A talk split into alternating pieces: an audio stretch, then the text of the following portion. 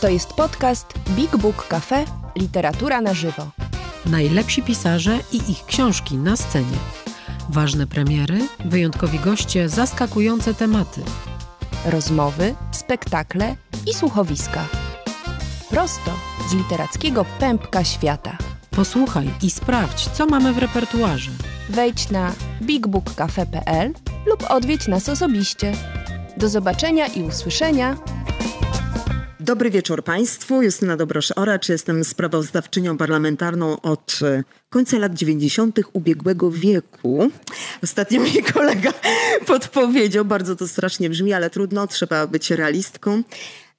Proszę Państwa, zapraszamy dzisiaj na taką debatę, która może jeszcze w tych okolicznościach przyrody i tej alternatywnej rzeczywistości, która jest konstruowana, e, bo ja wracam prosto z Sejmu, gdzie cały czas jest rząd e, dwutygodniowy po odprawy, tam się szykuje, e, ale chcemy pogadać o tym, co się tak naprawdę wydarzyło w tych wyborach 15 października i jak wykorzystać tą energię. Ale zanim przedstawię swoich e, wspaniałych gości, e, to takie słowo wstępne, ponieważ partnerem tej debaty jest Międzynarodowy Instytut Społeczeństwa Obywatelskiego i w trakcie e, kampanii prowadził taki bardzo ciekawy projekt dotyczący e, takie obserwatorium wyborcze i przez trzy miesiące grupa stałych respondentów na bieżąco śledziła i komentowała najważniejsze wydarzenia wpływające na przebieg kampanii. I na stronie MISO możecie Państwo przeczytać taki e, raport dotyczący tego, jak w ogóle to wszystko wyglądało, a 5 grudnia o 11.30 będzie prezentacja raportu końcowego, e, także na Facebooku. Zapraszam bardzo serdecznie. E, ciekawe wnioski, ogrom pracy jest, ledwie przejrzałam, ale uważam, że naprawdę warto.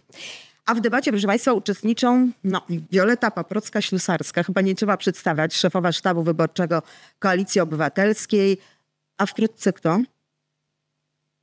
Nie powiem. Już widzę. Już widzę to. Ale na razie dyrektor gabinetu prezydenta miasta stołecznego Warszawy wciąż. Dobry wieczór.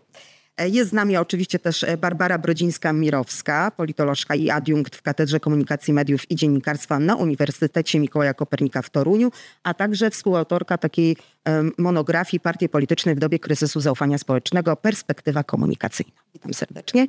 I Marcin Hinz, antropolog kulturowy, także badacz społeczny i rynkowy e, i kierował badaniami właśnie, o których wspomniałam wcześniej, także gratuluję. Witam serdecznie. Ale może zacznę od tego, co nas wszystkich chyba najbardziej e, zaszokowało, myślę e, nawet także sprawozdawców parlamentarnych, e, czyli ta gigantyczna frekwencja. Czy rzeczywiście ktokolwiek w sztabie KO przewidział, że będzie taka atomowa frekwencja? Dzień dobry, witam Państwa. No, słuchajcie, z tej perspektywy już kilku tygodni po wyborach dużo rzeczy które, które nas e, zaskoczyło, bo ta frekwencja tak nas zaskoczyła, e, jest rozpatrywana w taki sposób, że to było oczywiste. Znaczy to, to wzburzenie w społeczeństwie, te emocje, te nasze spotkania, e, spotkania przewodniczącego Tuska, ale też innych polityków, te tłumy, które za każdym razem nas zaskakiwały, no zwiastowały, że stanie się coś, coś fenomenalnego.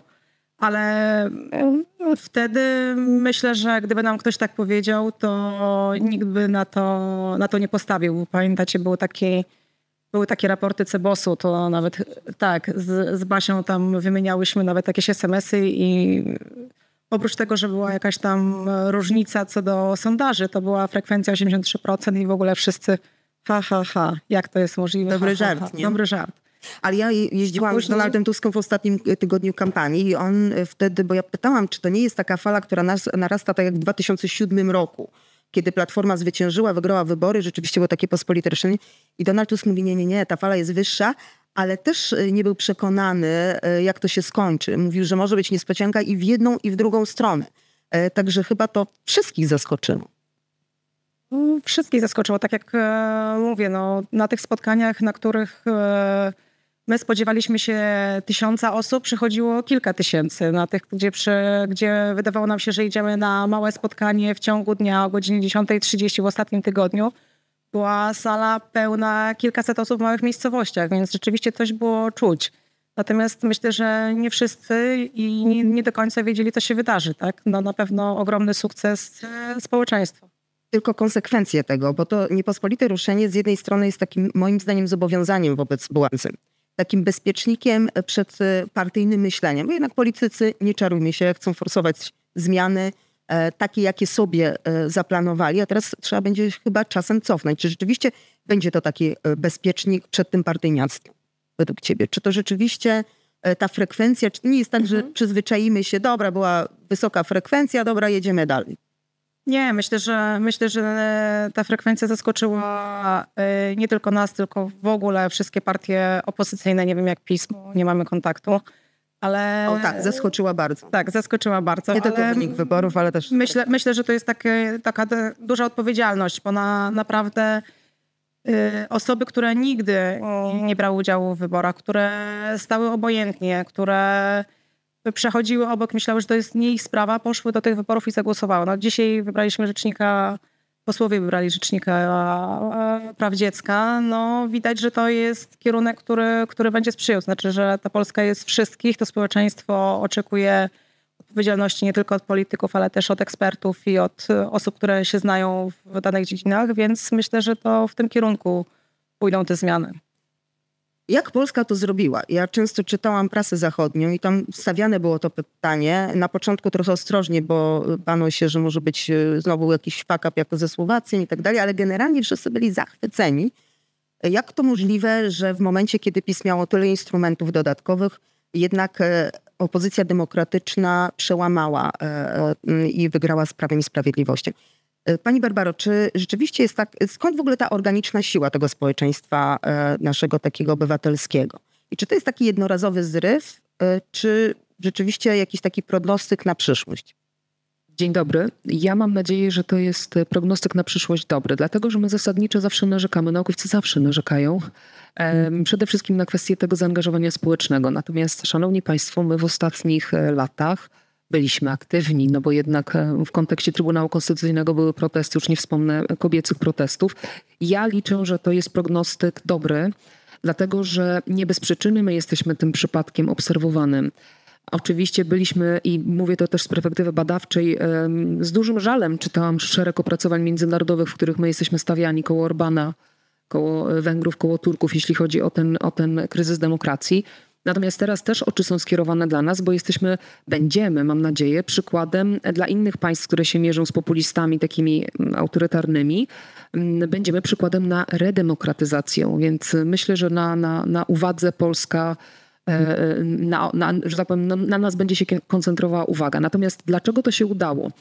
Moim zdaniem dlatego, że nie udało się złamać społeczeństwa obywatelskiego. Ten proces powiódł się na Węgrzech. W Polsce nie. I e, ten strach, mm, mm, ta taka energia, ta złość, ta energia w którymś momencie spowodowano złość, to nie jest jakieś odkrycie, zwykle bardzo motywuje. Więc nie udało się złamać społeczeństwa obywatelskiego, narastały frustracje i stała się jeszcze jedna rzecz, drodzy Państwo. Mianowicie Prawo i Sprawiedliwość zastosowało, czy Zjednoczona Prawica, mm, bardzo interesujący też, e, przepraszam, że tak mówię interesujący badawczo, ale de facto tak, manewr, to znaczy prowadzili bardzo negatywną kampanię wyborczą, nie tylko wobec e, przewodniczącego e, Tuska, ale przede wszystkim w tych komunikatach pojawiła się e, bardzo negatywna emocja względem elektoratu opozycyjnego. I teraz no, prezes jak... Kaczyński nazwał elektorat opozycji osobami o ciasnych umysłach. To powiedział w ostatnim dniu kampanii. Tak.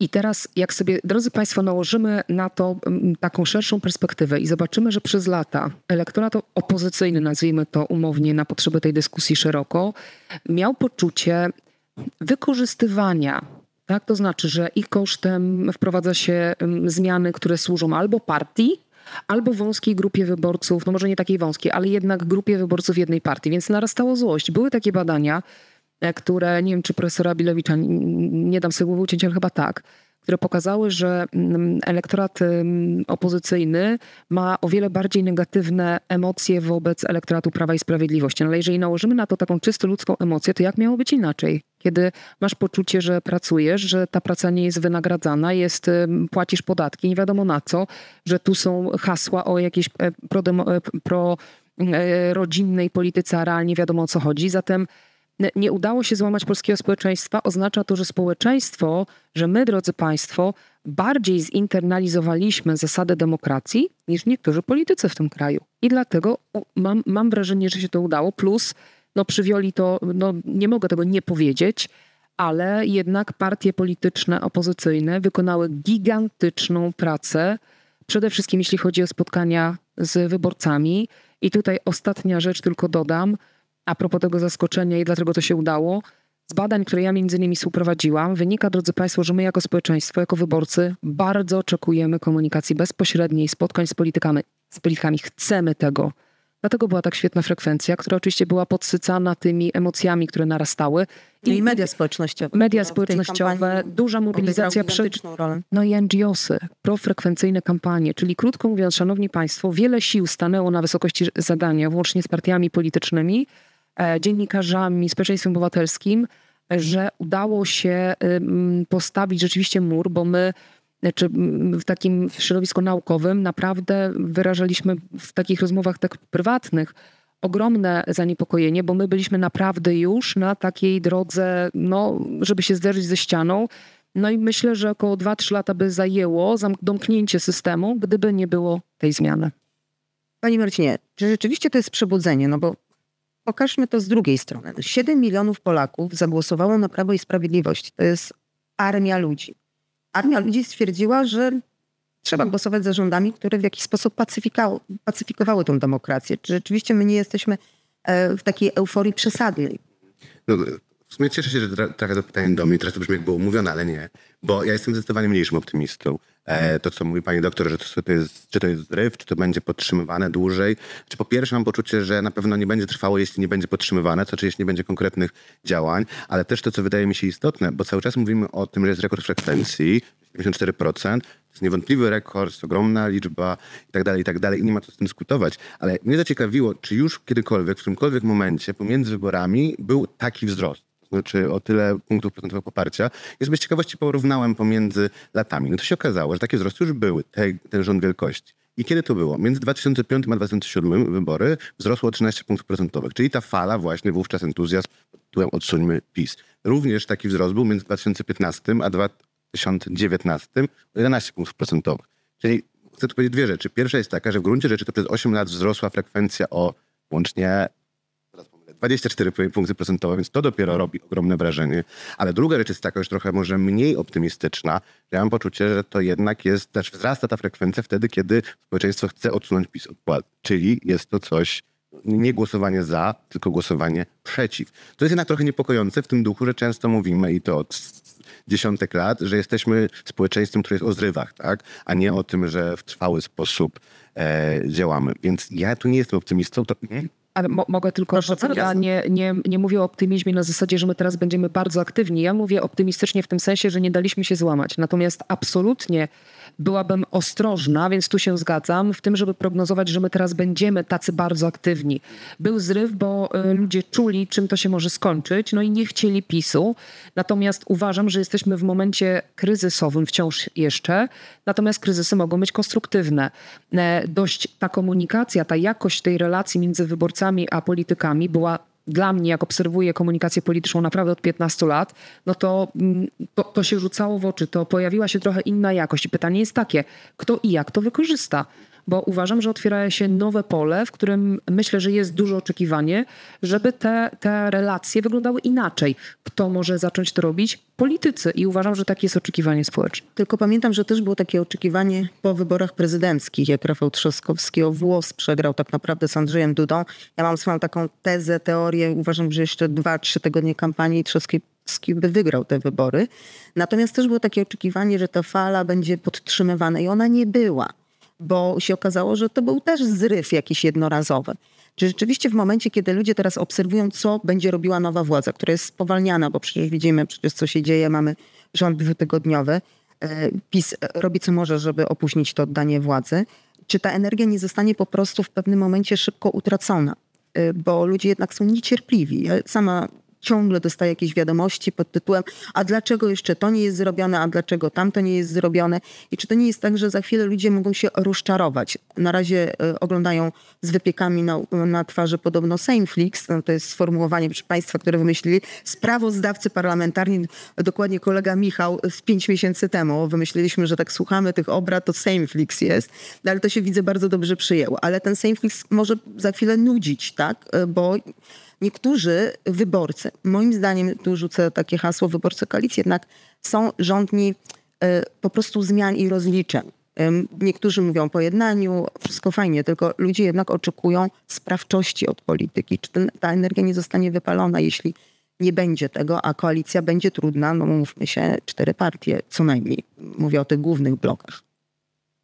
Ja myślę, że koalicja i obywatelska, i koalicja, która stworzy rząd, będzie dążyła w tym kierunku, żeby to rozliczyć i, i przedstawić to zgodnie z prawdą, jak, jak, to, jak to było. Myślę, że tego rzeczywiście społeczeństwo jest e, bardzo ciekawe, żądne i tego oczekuje. To jest po raz pierwsza taka myśl, ale przed nami są wybory samorządowe. Ja myślę, że też ta kampania taka centralna napędziła trochę samorządy do tego, jak ta kampania samorządowa powinna być prowadzona. Myślę, że ja akurat wróciłam do ratusza, czyli tam, gdzie, gdzie pracowałam na co dzień, ale też Rafał Trzaskowski był w kampanii obecnej i pokazał, że, że też jest zaangażowany i myślę, że w, akurat w naszym przypadku ta kampania będzie tak prowadzona, ale też, że wszystkie samorządy do tego tak podejdą. Nie tylko prezydenci, prezydentki, burmistrz, burmistrzynie Platformy Obywatelskiej, ale, ale wszyscy, no bo rzeczywiście ten kontakt bezpośredni, to co się wydarzyło na tych spotkaniach, to, że można nawet z oponentami naprawdę normalnie rozmawiać i ta bliskość tych wyborów, bo jeżeli one były za rok, za dwa, to rzeczywiście byłam pełna obaw co do, co do zaangażowania e, obywateli i obywatelek. Ale ta bliskość tych wyborów, e, chęć e, jakby doprowadzenia do, do zmiany albo do stworzenia jakichś warunków, które są teraz niemożliwe. E, myślę, że to pociągnie jeszcze, jeszcze do, do wiosny przyszłego roku, a później to już rzeczywiście duża odpowiedzialność e, polityków, polityczek do tego, żeby, żeby tej energii nie zmarnować. Na razie komisje śledcze, teraz trwa debata w Sejmie nad powołaniem kolejnych tam komisji śledczych. Tyle tylko, że e, no, prokuraturę nie będzie łatwo odbić w sytuacji, kiedy jest prokurator prawa ręka Zbigniewa Ziobry jeszcze zabezpieczony. Andrzej Duda może zawetować jakiekolwiek zmiany. Tak, i, i w, na, w, kontekście tego bym pociągnęła jeszcze ten temat utrzymania uwagi. Ja nie mam, e, drodzy Państwo, oczekiwania na to, żebyśmy my e, jako społeczeństwo wiecznie się aż tak bardzo pod polityką podniecali. To jest po pierwsze. Do którego momentu będzie ta uwaga, bym powiedziała, podwyższona? Do momentu, w którym mm, mm, ludzie się przekonają, to, co e, przed chwilą wybrzmiało w tej naszej dyskusji, że jest przede wszystkim wola tego, realizacji tego, co zostało zapowiedziane. Dzisiaj elektorat opozycyjny między innymi dlatego ogląda, nie wiem, wirtualne media podały, prawda, dwa miliony osób, obrady Sejmu, że po pierwsze ma ogromną potrzebę rozliczenia politycznego, patrz, niepowołanie Witek, na marszałki nie Sejmu, czy na wicemarszałki, na marszałki, tak, marszałki, najpierw tak, potem wice. No i oczywiście duże oczekiwanie rozliczeń e, takich prawnych, takich formalnych. I teraz do momentu, do kiedy mm, jakby nowy rząd, który aspirujący jeszcze do bycia rządem, nie wykona ruchów, które będą zmierzały do przynajmniej tych fundamentalnych kwestii, które są w tym pierwszym rzucie dla ludzi najważniejsze, to myślę, że to będzie jakiegoś rodzaju ekscytacja. Czyli mówiąc krótko, ekscytujący będzie moment, odchodzenia PiS od władzy. Natomiast ja myślę, że my wszyscy powinniśmy sobie życzyć przede wszystkim nudnej i spokojnej polityki, dlatego że my tego bardzo potrzebujemy. Naprawa państwa w wielu fundamentalnych obszarach wymaga spokoju i wymaga ogromnej rozwagi. I, e, I dlatego przynajmniej ja bym sobie mocno tego życzyła, żeby było nudno, żeby ludzie wrócili do swoich spraw, żeby e, prowadzili normalne życie, żeby mieli poczucie, że skoro e, pracują, to żeby jakby płacą podatki, to że mają poczucie, że ktoś bezpiecznie tym zarządza, a nie w celu realizacji swojego partyjnego interesu, dlatego że partyjny interes jest super i, i bardzo dobrze, że on w polityce się pojawia, na tym polega polityka. Problem polega na tym, kiedy interes partyjny zaczyna nie być e, spójny z interesem publicznym. Więc sądzę, że ludzie oczekują, że partia czy nowy rząd będzie po prostu prowadził spokojną politykę i że będą mogli zaufać, że doprowadzą pewne sprawy do końca. Właśnie do urn poszli ludzie, którzy nie interesowali się przez lata polityką. Taka jest prawda. Niektórzy y, to interpretują w ten sposób, że to był taki sprzeciw y, wobec też polaryzacji. Y, taki krzyk pod tytułem nie zgadzamy się na agresję, arogancję i nienawiść w polityce. Tak było, bo to w jakiś sposób jest niespójne z tym rozliczeniem. Znaczy, zawsze będzie jakaś grupa, która stwierdzi, że no nie po to poszedłem, żeby się teraz okazało, że nikomu włos z głowy nie spadnie za to 8 lat łamania konstytucji, prawa i wdeptywania demokracji w ziemię. Mi się wydaje, że po pierwsze tak, odpowiadając skrócie na to pytanie. Po drugie, mam poczucie, że to nie jest do końca prawda, że jest tylko polaryzacja. Znaczy oczywiście ona jest, no bo jest PiS, jest Platforma, jest TVN, kontra TVP i tak dalej, i tak dalej, ale właśnie e, jest jakieś wielkie grono ludzi niezagospodarowanych do tej pory. To znaczy ich poparcie nie jest zagospodarowane, ich uwaga nie jest zagospodarowana i tak dalej, i tak dalej. I jak się popatrzy szerzej na podziały społeczne, to są dużo większe, tak? I są tu grupy, które w ogóle nie czuły tej pory, że mają swoją reprezentację. Ale mam też takie poczucie, że od lat już była taka gra pod tytułem Zmarnowany głos. To znaczy nie głosujcie na jakąś partię, bo ona może nie wejść, się zmarnuje, się rozmyje. Były przypominane też case'y tego, że jakaś partia nie przekroczyła progu wyborczego, więc zyskał najmocniejszy i tak dalej. A w tym roku trochę to się nie stało. To znaczy ta gra była, zwłaszcza w trakcie jeszcze, kiedy mówiono o wspólnej liście, kiedy bardzo mocno mówiono o tym, że jeśli to się nie wydarzy, no to jakby nie zostanie uzyskana ta przewaga, ale gdzieś na finiszu nagle trzecia droga e, zyskuje. Ludzie się przestają bać, wprost przeciwnie, tak? Znaczy w aktywny sposób nie tylko publicyści, ale nawet politycy Platformy czy Koalicji Obywatelskiej mówią głosujcie na tych słabszych, tak? Wesprzyjmy ich.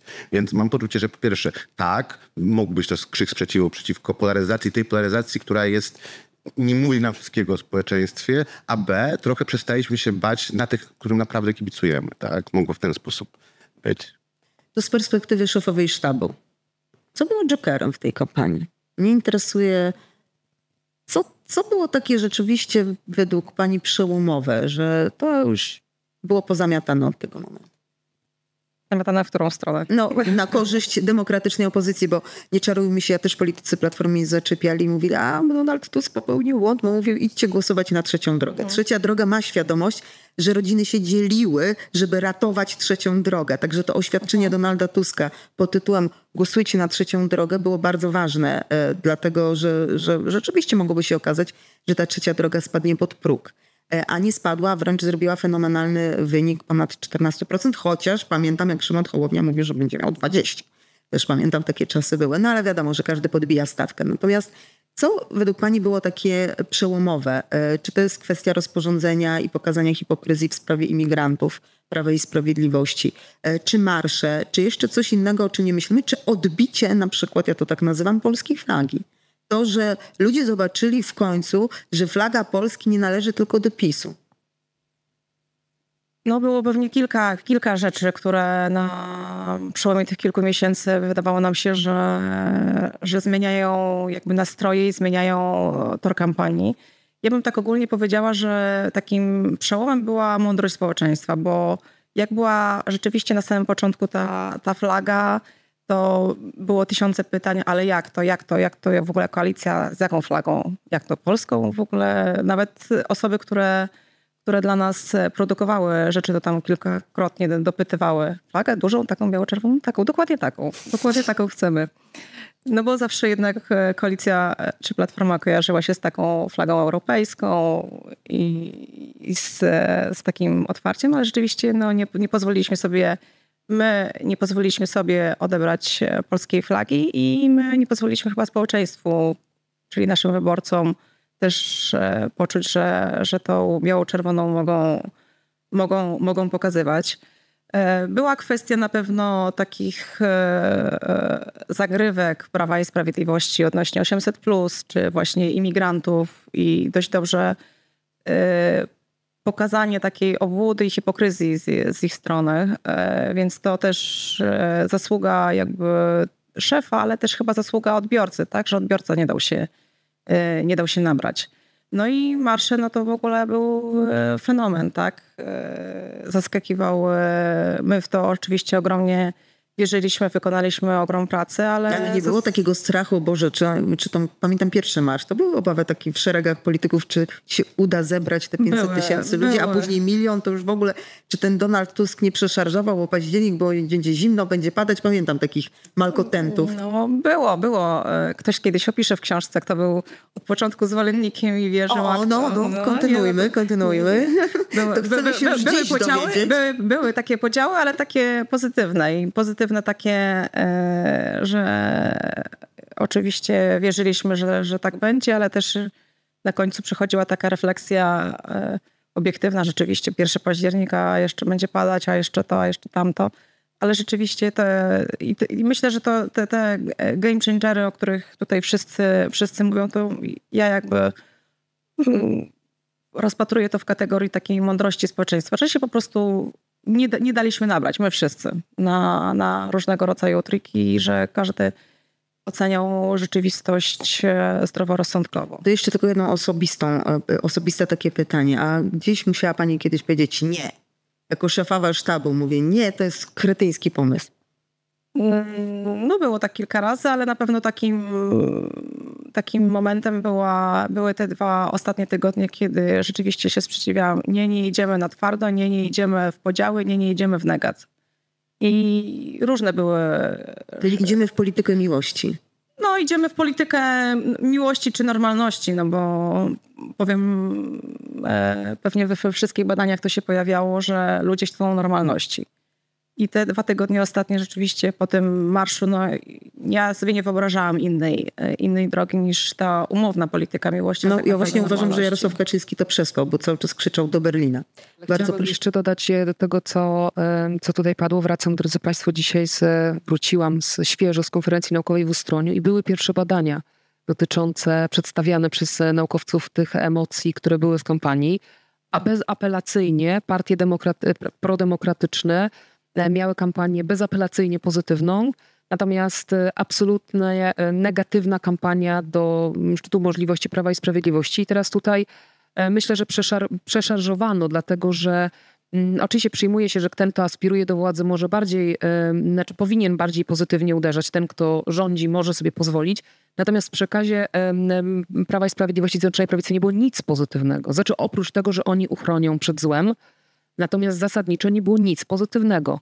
I to przy takim rozedrganym społeczeństwie było mocnym, tak, prze, przeszacowaniem. Natomiast tylko bym dodała jedną rzecz ważną, też która badawczo się ujawnia a propos tego, co się wydarzyło.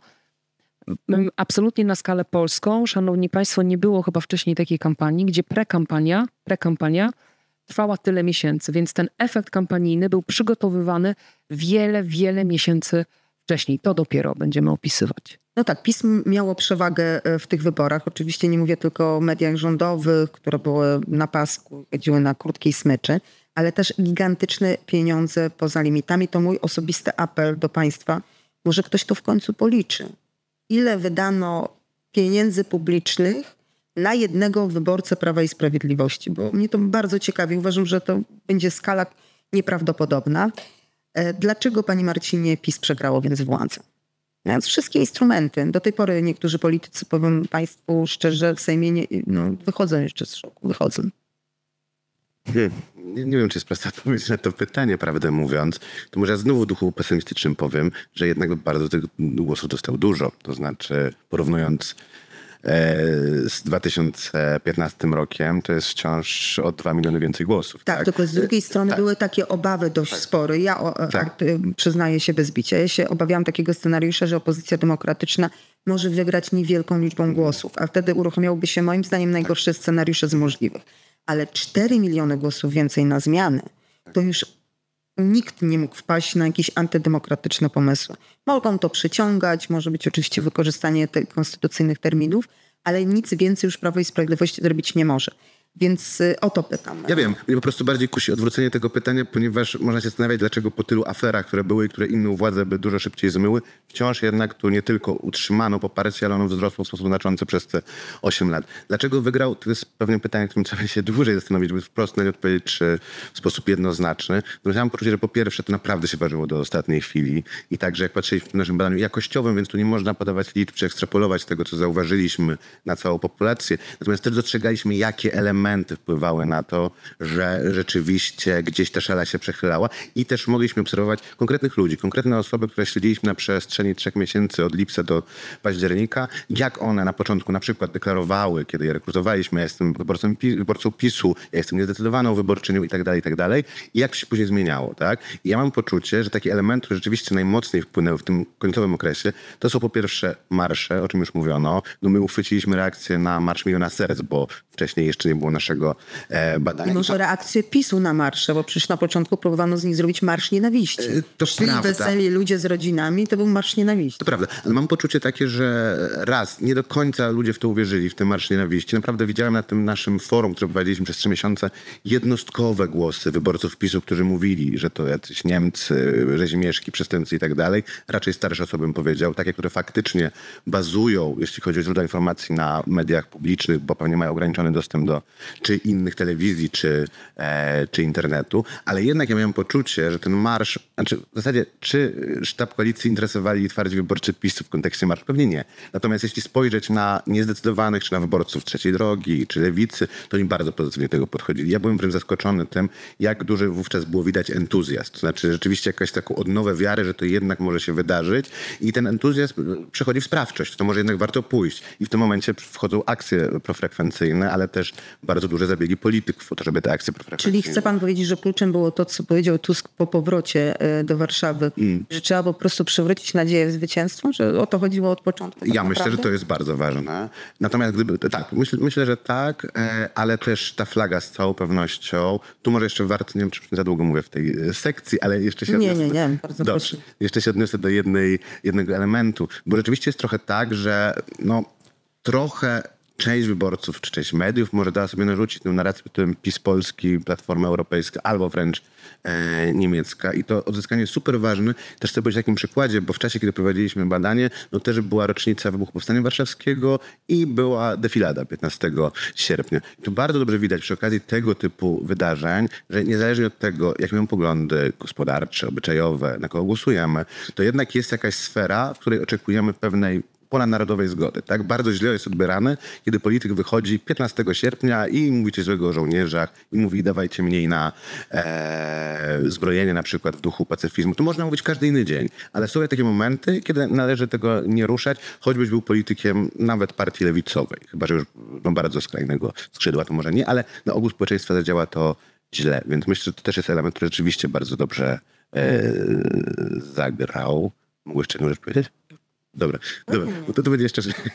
Dobrze. E, nie, bo też mam takie poczucie, a jeśli chodzi o taki element negatywny, znaczy co PiS przeskrobał, mnie zaskoczyło, bo rzeczywiście było xxx afer przez lata, nie mówię w trakcie naszego badania, które nie robiły żadnej różnicy, nie wpływały, a tu patrząc jakościowo, bo ja nie wiem, jak się przełoży na liczby, mam mocne poczucie, że jednak afera wizowa była czymś, co bardzo mocno zmieniła. Ja nie wiem, czy ona była game changerem, ale rzeczywiście to był taki moment, kiedy nawet zwolennicy PiSu w ramach tego naszego badania mieli takie poczucie jakiegoś zgrzytu. Nawet chodzi o to, że to jest jakaś korzyść, którą uzyskał konkretny polityk czy współpracownik polityka, tylko bardziej historia o hipokryzji. Znaczy, No to ja wiem, zdradzę, że naszych- e, w, w sztabie PiSu była taka gorączkowa dyskusja, teraz są rozliczenia wokół tego, e, bo e, była dyskusja, jak zareagować na tą aferę wizową. I na początku część osób mówiła, słuchajcie, to teraz w takim kładzie wy nie forsujmy referendum w sprawie migrantów, bo będzie pokazało naszą hipokryzję. Ale grupa takich, nazwijmy Jakobinów, mówi, nie, nie, nie, zostawcie to.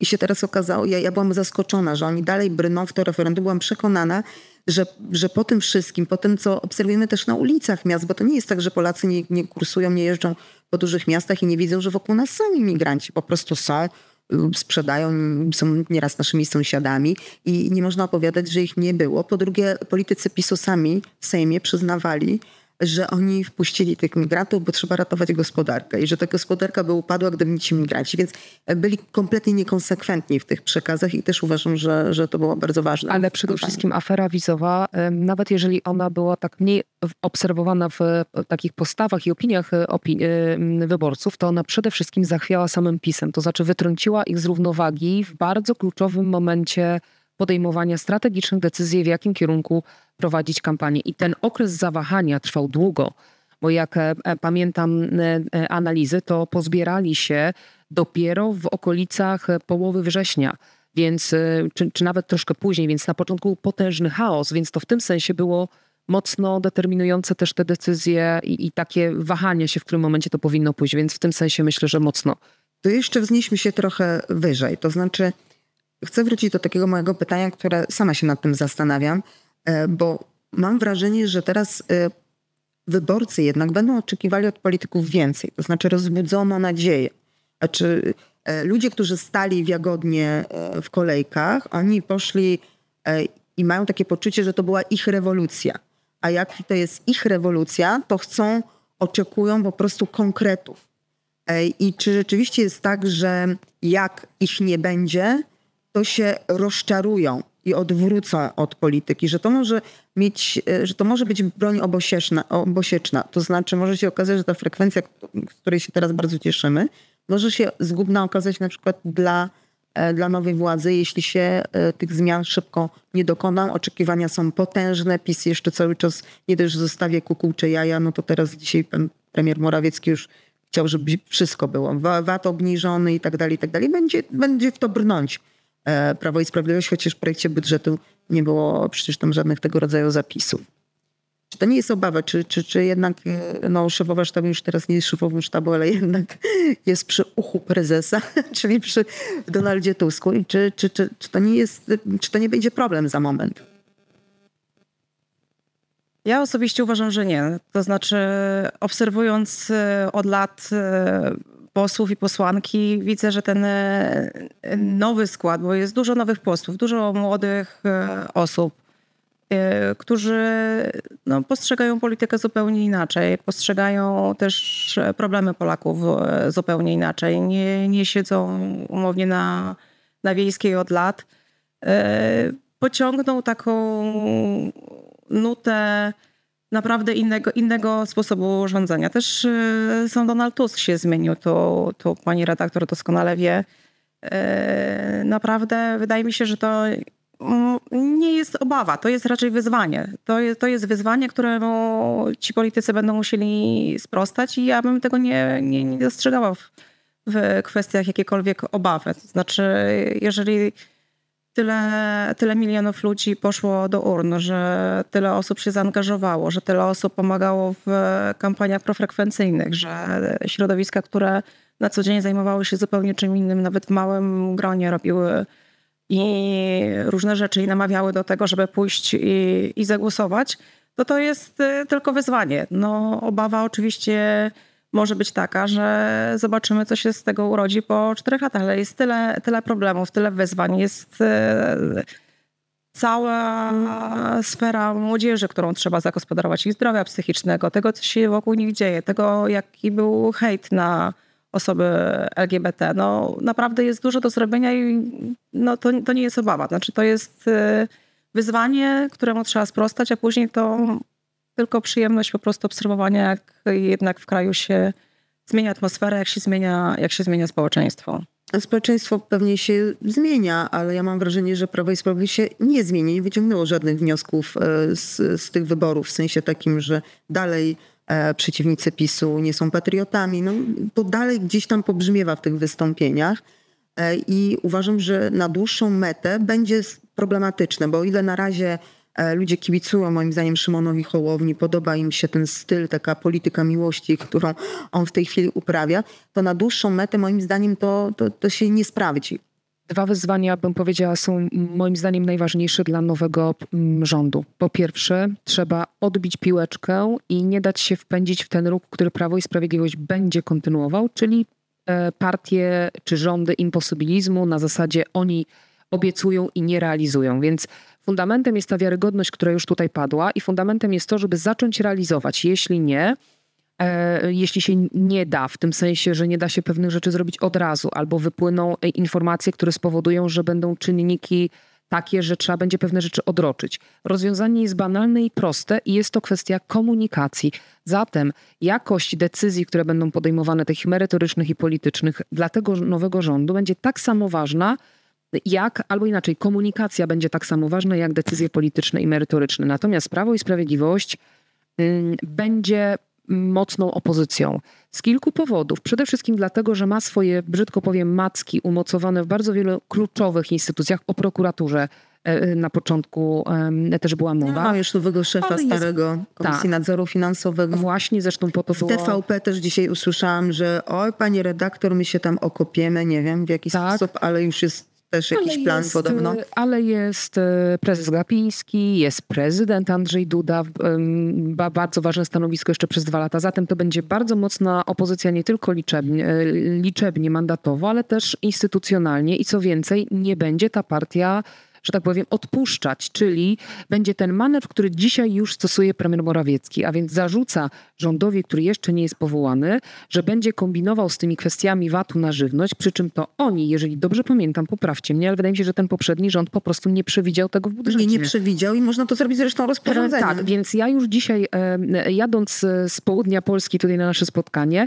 myślałam sobie, że aha, to jest ten kierunek. Czyli to będzie ten manewr odwracania ogonem e, spraw, który my widzieliśmy, czyli słowem PiS ma dzisiaj duże kłopoty. Partie po porażkach zbierają się długo i to jest e, rehabilitacja ciężka. Dowodem jest i Platforma Obywatelska, i Lewica. To trwa. Prawo i Sprawiedliwość naprawdę będzie się rehabilitowało długo, a mają pilne potrzeby polityczne, więc będą mocną opozycją. To jeszcze pana Marcina chcę zapytać, e, bo widać, że Andrzej Duda traci poparcie po tym, jak usilnie podtrzymuje trupa, mogę tak chyba powiedzieć. E, w związku z czym e, on traci, ale czy według pana Prawo i Sprawiedliwość sam sobie nie robi kuku, bo jednej strony zabezpiecza się, a z drugiej strony mamy za chwilę wybory samorządowe, mamy wybory do Parlamentu Europejskiego i ludzie, nawet ich elektorat już widzi, że się tak brzydko z tą władzą rozstają, że się tak trzymają tych stołków. Czy, czy oni sami, sami sobie nie szkodzą, tak jak w kampanii szkodzili sobie do ostatniego momentu, mówiąc o tym, że zwolennicy opozycji to nie są patrioci, to są wrogowie narodu do Berlina. Moja intuicja jest taka, że sobie nie szkodzi wśród elektoratu PiSu, na pewno nie tego żelaznego czy betonowego. No, z tego względu, że tam jest dość spójna narracja pod tytułem taki jest zwyczaj konstytucyjny od 1989 roku. Zawsze w pierwszym kroku prezydent to nie jest prawda, ale, ale jest to spójna narracja, że zawsze prezydent w pierwszej kolejności powołuje y, rząd, y, znaczy na jego czoło premiera, który jest y, czy przewodniczącym, no akurat nie jest prezesem partii, ale który jest wyznaczany przez partię, która uzyskała największą liczbę głosów. Więc moim zdaniem spójność tej narracji PiSu jest tutaj kluczowa do tego, żeby elektorat y, PiSu nie zwątpił. W ogóle to jest też historia o tym, że okej, okay, może oni przesadzili pod koniec kampanii, cały czas już mówiąc o tym, że Tusk to jest Niemiec i w kółko powtarzając Für Deutschland e, w wiadomościach, ale to, że PiS jest od lat, i to no, naprawdę od lat, od lat, niezależnie od tego, czy był PiS, czy to było Porozumienie Centrum, jest spójny w tym, co mówi, konsekwentny w tym, co mówi, to jest jego siła tak naprawdę. Czy to jest siła, która sprawia, że można mówić, jesteśmy jednymi z was wykluczonymi. Ale właśnie wyszedł w tej kampanii, że jest niespójny, bo co innego mówi, co innego robi. No raz, w aferze wizowej. Natomiast nie, ja zmierzam tylko do tego, że w tej historii o prezydencie, który e, powołuje rząd Mateusza Morawieckiego, wydaje mi się, że oni są spójni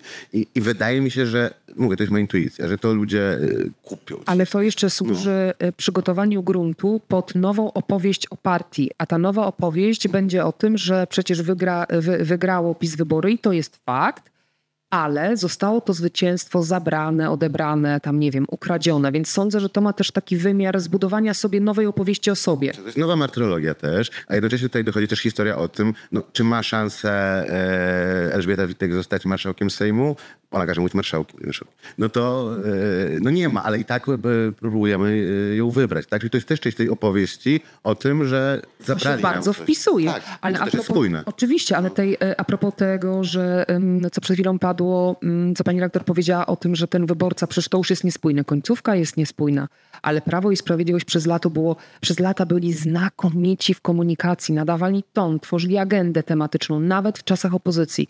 Więc ten elektorat nie chcę powiedzieć, że jest przy, przyzwyczajony, ale on jest ukształtowany, on już jest na pewnych torach, więc tego typu niespójności w ogóle nie mają wpływu. To znaczy ta część e, żelazna, która jest szacowana na mniej więcej około 20%, prawda, 20 e, kilku, to jest część, która będzie lojalna do samego końca i tego typu wahnięcia w ogóle są niezauważalne. O ile e, w końcu nie, nie dostaną pakietu jakichś uczciwych informacji. No, rozumiem, że po to będzie zmiana Uwagą, e, czekamy, w TVP tak. i, e, i tak nie, moim zdaniem PiS, PiS naprawdę lekceważyło internet, a internet w tej kampanii pokazał, że ludzie już odchodzą do oglądania też telewizji, że PiSowi młodzi wydawało ludzie. się, nie tylko młodzi, PiSowi się wydawało po prostu, że ma rządowe media, ma TVP, ma radio rządowe i już wystarczy. No nie wystarczy. Ale jednak kusi, żeby a propos Tak tego, samo jak no. usiłowali wmówić, ja się na przykład nie zgadzam z tymi, którzy twierdzą, że w wakacje ludzi nie interesowała polityka. Moim zdaniem szczególnie interesowała, tylko siedzieli w telefonach,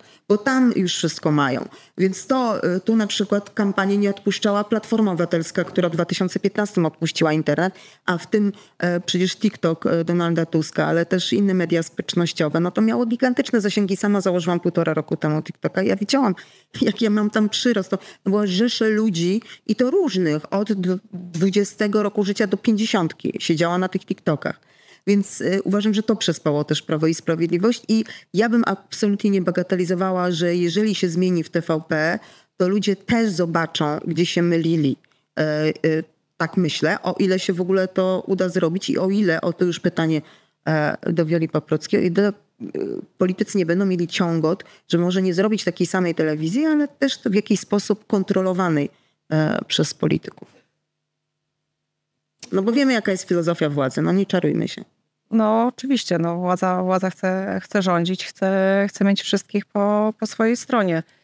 E, ale chyba wszyscy wyciągną wnioski z tych ośmiu lat e, tej telewizji e, polskiej. No, nie wiem, czy sobie osiem lat temu wyobrażaliśmy, że można do tego stopnia zmanipulować informacje, do tego stopnia puszczać ją w eter i, i jeszcze dodatkowo jakby nie wierzyć, że widz tego nie przyjmie. No to było, no to było no 8 lat temu nikt sobie tego nie zdawał sprawy. Teraz rzeczywiście telewizja była dużym, dużym orężem e, Prawa i Sprawiedliwości.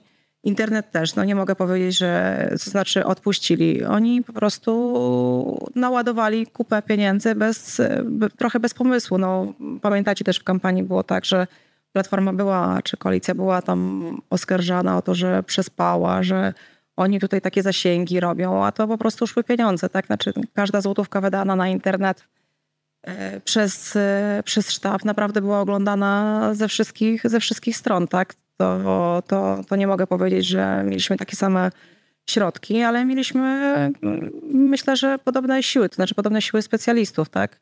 I ludzi, którzy, który, którym, e, którym zależało, ale no mam, mam nadzieję i, i, myślę, że to się jednak e, spełni, że, że ta telewizja zostanie e, odzyskana w taki sposób, że będzie po prostu rzetelna informacja, tak? No, ja myślę, że pani redaktor przypomina sobie czasy, jak też biegała za koalicją obywatelską, no, wtedy za tak. platformą i tam nie, z, z, nieciekawymi pytaniami też przed... przed jak to? Przepraszam, z bardzo ciekawymi. Z, ciekawymi dla widzów, ale dla polityków, nie, nieciekawymi dla polityków i tam uciekali przed panią redaktor. No to, to fakt. E, teraz sobie, tak, tak, bo ktoś teraz... myślał, że to za czasów PiSu wymyślano pogonię Dokładnie, a to nie było, za czasów PiSu. To, było, to było wcześniej, tak. Dokładnie. Ale że to jest naprawdę duże, duże, duże wyzwanie e, dla polityków, ale też e, no, wyciąganie wniosków, tak? Wszyscy powinni wyciągnąć wnioski.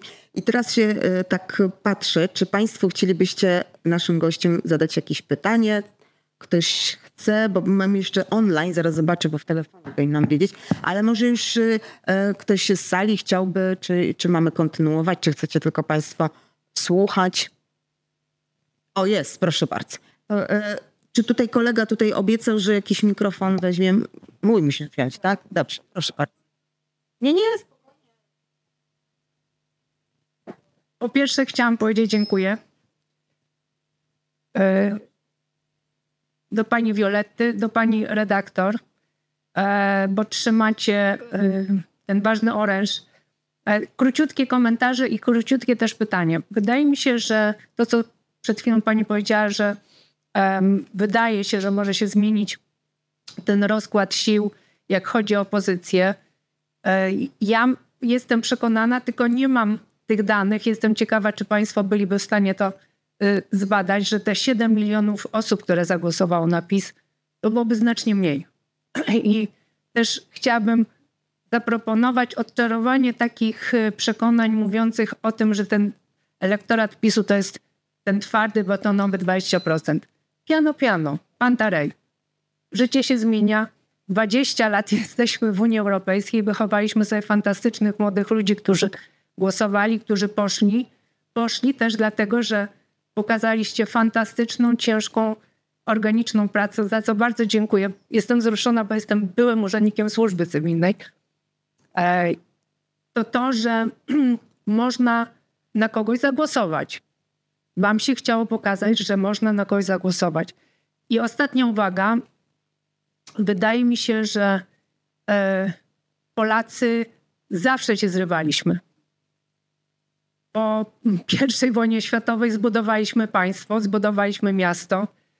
E, później było różnie. Pokazaliśmy Europie w 89, pokazaliśmy teraz, teraz Europie i światu, że można zatrzymać tę falę, że to nie musi być pełne koło. E, natomiast e, myślę, że to, co było powiedziane, że ten spokój, tak, my musimy po prostu w tej chwili wziąć się do roboty, bo tej roboty jest strasznie dużo. Także rzeczywiście ludzie są niecierpliwi, pytają nas też, pytają, ale oni zrozumieją. Dużo jest młodych ludzi, no młodzi ludzie są zniecierpliwieni zawsze. Będziemy chcieli, będziemy musieli się wziąć po prostu do roboty w każdym, na każdym odcinku mediów, e, administracji, nauki, e, biznesu, edukacji, e, mój Boże, dzieci, e, zdrowia psychicznego, ale znowu wrócę do tej Unii Europejskiej, która wykształtowała, ukształtowała nam już młodych ludzi, którzy już są świadomi, którzy już wiedzą, którzy już nie mają kompleksów i którzy chcą być w Polsce. W Polsce, która jest członkiem Unii Europejskiej, jest wszędzie, ale, ale chcą być tutaj i tu chcą płacić podatki. Dajmy im wspólnie tę szansę. I zacytuję premiera Buzka, z którym e, pamiętam, jak e, pani redaktor też już wtedy pracowała i ja też. E, on przypomniał jedną banalną rzecz. Słuchajcie, wtedy mediów telewizji publicznej nie zagarnięto. Hmm? Zresztą później mu wypominano, że okazało się, że częściowo to były siły związane z SLD, które przyjęło e, po nim władzę. Ale właśnie dlatego to słowa premiera Buzka, bo nie przyszło im do głowy, że można zrobić zamach na e, media publiczne po tym, co przeżyliśmy w komunie. Więc ja wierzę w to, że to jest możliwe. Tylko to też będzie inne, bo tych mediów też jest więcej. Także bardzo dziękuję. To tylko tyle.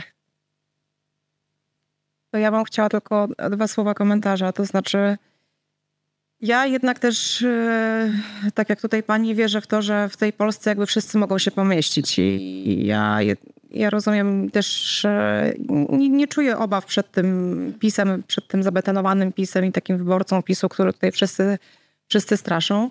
Myślę, że opozycja da że tak powiem, wszystkim e, swój, swój kawałek przestrzeni. To znaczy, żeby w tej Polsce się mogli odnaleźć wszyscy, nawet ci, którzy nie kochają Donalda Tuska e, czy Rafała Trzaskowskiego.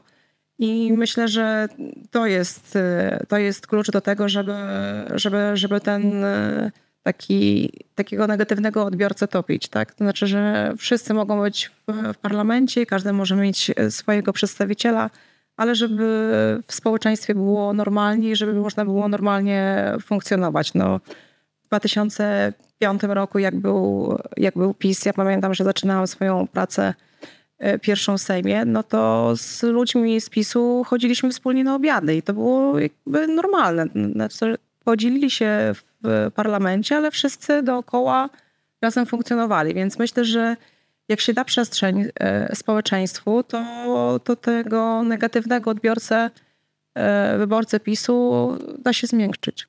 Muszę dwie kwestie dodać. A propos odbiorców, e, wyborców PiSu. Mm, dlaczego mówimy cały czas o, tej, o tym żelaznym elektoracie? Ponieważ ten elektorat, jakby tu je, jego waga jest podwójna. Po pierwsze, zadaniem nowego rządu jest spowodowanie, żeby się e, ludzie popierający PiS nie czuli źle w tym kraju. To jest ważne, ponieważ do tej pory e, byliśmy w takim systemie, że teraz rządzi mój rząd jest moja Polska, a teraz będzie rządzić mój rząd, to, to Polska będzie e, twoja. Nie może być tak, i to jest zadanie dla polityków, żeby wyborcy Prawa i Sprawiedliwości nie czuli się źle, nie czuli się odtrąceni wyborcy. Natomiast Prawo i Sprawiedliwość we wszystkich możliwych światowych opracowaniach wskazywane było jako partia najpierw populistyczna, a potem populistyczna z zakusami autorytarnymi. To znaczy, że nie porównujemy rzeczy nieporównywalnych. Teraz to było widać na marszu. Nie ma problemu człowiek, który głosuje na lewicę, na trzecią drogę, na koalicję obywatelską, rozmawiać ze sobą. Nie ma, nie ma tego problemu. Dlaczego? Bo to są partie, które są, bym powiedziała, w jednym paradygmacie myślenia o państwie i o demokracji. Natomiast jeśli chodzi o możliwości, o których pani pytała, że on nie będzie wzrostu. Oczywiście, że Prawo i Sprawiedliwość nie będzie miało wzrostu. Dlaczego? Bo nie ma skąd czerpać. Po prostu młodzi ludzie za nic w świecie na Prawo i Sprawiedliwość nie zagłosują, ludzie w średnim wieku też nie. Natomiast jeżeli będą spadki, to będą, przepraszam, powiem brutalnie, demograficzne. Dlatego, że po prostu ten elektorat będzie się kurczył. Więc natomiast dlaczego się cały czas interesujemy? Bo to jest y, ciekawy sposób myślenia elektoratu, który popiera skrajnie e, e, skrajne stanowiska, a w tym kierunku idzie Prawo i Sprawiedliwość, szczególnie, że jesteśmy państwem postkomunistycznym, więc to myślenie takie postkomunistyczne jeszcze gdzieś tam e, się tli. Natomiast, natomiast powtarzam jeszcze raz, Prawo i Sprawiedliwość rozliczenia zgodnie z literą prawa to jest jedno, a elektorat Prawa i Sprawiedliwości to jest drugie. Ja bym się chętnie, jeśli można odnieść do tego wątku telewizji, bo on był i wypowiedzi pani i wcześniej rozmawialiśmy o telewizji i w ogóle o znaczeniu mediów. Mi się wydaje, że to jest bardzo ważne, bo naprawdę tej roli telewizji nie można lekceważyć nadal. Polsce telewizja jest jednym z naprawdę, znaczy w porównaniu do innych państw na świecie, w Polsce jest nadal ogromna średnia dzienna oglądalność telewizji. I często z perspektywy Warszawy się wydaje, że już jaka telewizja, kto to ogląda, to jest nieprawda, tak? To znaczy naprawdę to jest średnio, nie chcę skłamać, ale średnio kilka godzin dziennie oglądania telewizji. Oczywiście to jest czasami oglądanie, ale sobie w tle, robimy obiad, kawę i tak dalej. Natomiast to naprawdę jest wciąż może przesadzone słowo, ale jakiś fenomen światowy, że to jest bardzo ważne. To jest jedno i to, i to są twarde dane. A druga rzecz, że myślę, że pełniał błąd każdy polityk, który zachłyśnie się tym, bo że mam kilka tysięcy followersów na TikToku czy gdziekolwiek, bo po pierwsze to są jego fani, którzy tam świadomie przyszli i osoby, które i tak kupiły jego przekaz i tak są jego zwolennikami i mam poczucie, także po naszym badaniu, że coś może się stać tematem dnia czy przekazem dnia dopiero wtedy, kiedy trafi do mediów. Znaczy dopiero wtedy, kiedy wiadomości czy fakty pokażą czyjś tweet, to wtedy on się staje czymś, co nadaje ton e, debacie publicznej. Więc o tym trzeba pamiętać. No i też łącząc wątek, czy jeżeli telewizja publiczna zostanie z powrotem przejęta bądź przywrócona społeczeństwu, mówiąc górnolotnie, czy częściej widzów otworzą się oczy? Pewnie trochę tak i tu powinno być jakieś dopowiedzenie do tego. Właśnie nie chcę no. kończyć tego wątku jeszcze przez chwilę, bo przez sekundę. Chcę tylko powiedzieć dwie rzeczy. I, I, my, z tego skorzystamy. my, z tego my z tego skorzystamy. Nie chcę kończyć tego wątku, chcę powiedzieć dwie rzeczy. E, absolutnie tak i jeszcze raz tak. Telewizja jest nie tylko często oglądana, ale przede wszystkim to jest wciąż w Polsce e, absolutnie bije, telewizja bije na głowę inne kanały informacyjne czy platformy informacyjne jako źródło informacji o polityce. Więc to jest jakby po pierwsze, jest duża dywersyfikacja grup korzystających, czyli oczywiście młodsi ludzie, młodzi dorośli, internet, osoby bardziej dojrzałe wciąż media tradycyjne. Jest jedna kwestia z mediami e, publicznymi, która daje mi cień, cień nadziei, że będzie samoograniczenie władzy. Z badań, które prowadziliśmy jeszcze wtedy, jak Sejm był na przełomie, że nie, w pierwszej kadencji, na samym początku rządów PiS, gdzie jeszcze się dało do Sejmu wejść, e, prowadziliśmy badania z politykami różnych opcji i co zauważyliśmy? Absolutne pęknięcie postrzegania roli mediów w demokracji. Zatem PiS jednoznacznie się opowie, przedstawiciele PiSu mówili o tym, żeby, że to jest instrument, dziennikarz jest instrumentem. Przedstawiciele partii op opozycyjnych narzekali na dziennikarzy, ale zasadniczo tam nie było dyskusji z tym, że dziennikarz musi mieć dużą dozę e, niezależności i nawet jak się wkurzają na dziennikarzy, że nie przychodzą na merytoryczne, ich zdaniem, e, konferencje, to jednak znali swoje miejsce. Więc ja wnoszę, że scenariusze są trzy, jeśli chodzi o media naprawione. Albo wyborcy PiSu przestaną w ogóle media publiczne oglądać, bo będą mieli narrację PiSu, że to są media ukradzione i teraz koalicja robi swoją propagandę, albo mm, przenoszą się gdzieś indziej. Tylko tyle, że te inne media nie będą miały już teraz finansowania zespołu. Znaczy, w ogóle ja... nie bardzo mają się gdzie przenieść, tak? Znaczy, nie ma telewizji prawicowych. Nie, ale czy... media, no Orlen wykupił wszystkie, tak? Więc no... Nie, to, to zaraz Orlen też zostanie teraz przyjęty. Orlen też zostanie Ja nie mówię y, o tym, że ludzie nie oglądają telewizji, ale już w czasach, kiedy ja sama pracowałam w wiadomościach, to było przy 2015, czyli w latach 2010-2015, robiliśmy fokusowe badania. Nie wiem, czy państwo wiecie, jak długo ludzie, jak wytrzymuje ich percepcja w oglądaniu wiadomości. Ja uważam, że jest mitem, e, że ludzie oglądają tak naprawdę serwisy informacyjne. Oni słuchają białej, czyli tego, co mówi prowadzący. To jest dwa pierwsze zdania. Później zaobserwujcie siebie w domu. Wszyscy już dyskutują, już nikt nie ogląda tego materiału w ogóle. Takich naprawdę oglądających, którzy z wypiekami na twarzy siedzą i słuchają, co ten reporter przygotował im za materiał, to ja nie wiem, ze świecą szukać. Znaczy percepcja ludzka, naprawdę do nas to wtedy dopiero dotarło, że robimy pół godziny serwis, który de facto ludzie przys przyswajają co najwyżej góra dwie minuty. to wychodziło wtedy z badań. Ja chodzi, chodzi mi o to, że jeżeli chodzi o na przykład TikToka, mówisz o, że followersi, nieprawda, że to są wyznawcy. E, właśnie na TikToku masz, sama mam e, prawie 100 tysięcy obserwujących. Tam większość ludzi to nie są ludzie, którzy sympatyzują z jednymi, drugimi czy trzecimi. Znaczy obserwują, bo chcą wiedzieć, co tam jedni, drudzy szykują. To znaczy, to są ludzie zainteresowani, ale nie tylko, bo moim zdaniem problem PiSu polegał na tym, oni chcieli wejść na tego TikToka, tylko się Fogiel skompromitował tym filmem, za co nienawidzisz PiSu, co tam było tak. Tak się tam sam nakręcił. Więc oni po prostu nieumiejętnie weszli na tego TikToka. Natomiast e, uważam, że masę ludzi o polityce nie mając, a sami mówimy, że kluczem byli ci, którzy nie interesują się polityką, sięgali po te filmy. Ja sama wiem, jak sama dużo produkuję tych takich, jak już filmików, czyli rozmów, jak tam dociskam e, polityka. E, część osób pisała do mnie masowo, ja czegoś takiego nie obserwowałam nigdy w życiu, e, że czy na ulicy mnie zaczepiali, że oglądają moje filmy na TikToku i to była średnia, słuchajcie, nieraz nawet 45. I ja byłam w szoku. Ja mówię, tu pan ma TikToka? Nie, ale ma córka, ale ja to obserwuję. Bo ja się od pani dowiedziałem, że w ogóle coś takiego jest jak afera wizowa, albo w ogóle jak będzie. Bo oni nie śledzą tych wydarzeń. Więc e, nie bagatelizowałabym. Ja nie, nie mówię, że telewizja nie ma wpływu. Ma wpływ, bo, bo ludzie, no, politycy uwielbiają, ale czasy gadających głów, moim zdaniem, odeszły już bezpowrotnie. I czy czas w ogóle zmienić sposób myślenia o dotarciu do mas? Znaczy, e, nawet serwisy informacyjne które rzekomo wszyscy oglądają, a prawda jest taka, że oglądają, tak mówię, dwie minuty maksimum. E, po drugie, gdyby tak było, to uważam, że PiS miałby zwycięstwo w kieszeni, dlatego że Polsat był, był dokładnie tak samo pisowski jak TVP, tylko nie tak hardkorowy. Znaczy on tak samo e, od czasu do czasu może puszczał Donalda Tuska, ale o wielu aferach nie informował, albo w sposób tak pokraczny, że w sumie nie wiadomo, czy to jest afera, czy tej afery nie ma. Więc jeśli bierzemy pod uwagę RMF, e, Polsat, TVP, wszystkie kanały, to sorry, ale uważam, że właśnie internet przeważa w tej sprawie. To znaczy dostęp y, wszelaki, nie tylko przez TikTok, ale Facebook i tak dalej. Poprzez różne krótkie filmy ludzie się po prostu w ogóle do, dopiero dowiadywali, że coś się dzieje, bo zalew i strumień tej informacji na portalach był tak duży, że był totalny chaos. Znaczy ludzie już nie wiedzieli e, i moim zdaniem dlatego ten efekt na początku tych afer też nie był duży, bo był parasol ochronny mediach rządowych, a z drugiej strony były jeszcze kwestie dotyczące e, tego, że e, tych afer było tak dużo, że już nikt już nie wiedział, o, o, afera goniła aferę, czyli w sumie nie wiadomo. W tym chaosie była metoda. Ale jeszcze może ktoś z Państwa ma jakieś pytania, bo o jest, proszę bardzo.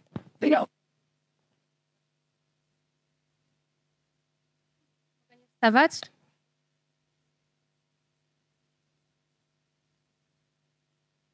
Dzień dobry. Ja tak jak słucham, to się zastanawiam nad tym, czy jednak e, ta rola tej kampanii negatywnej nie jest trochę e, minimalizowana, e, bo sama koalicja też miała pewne spoty, które się odwoływały do takiej negatywnej, chociaż rzeczywiście w mniejszości.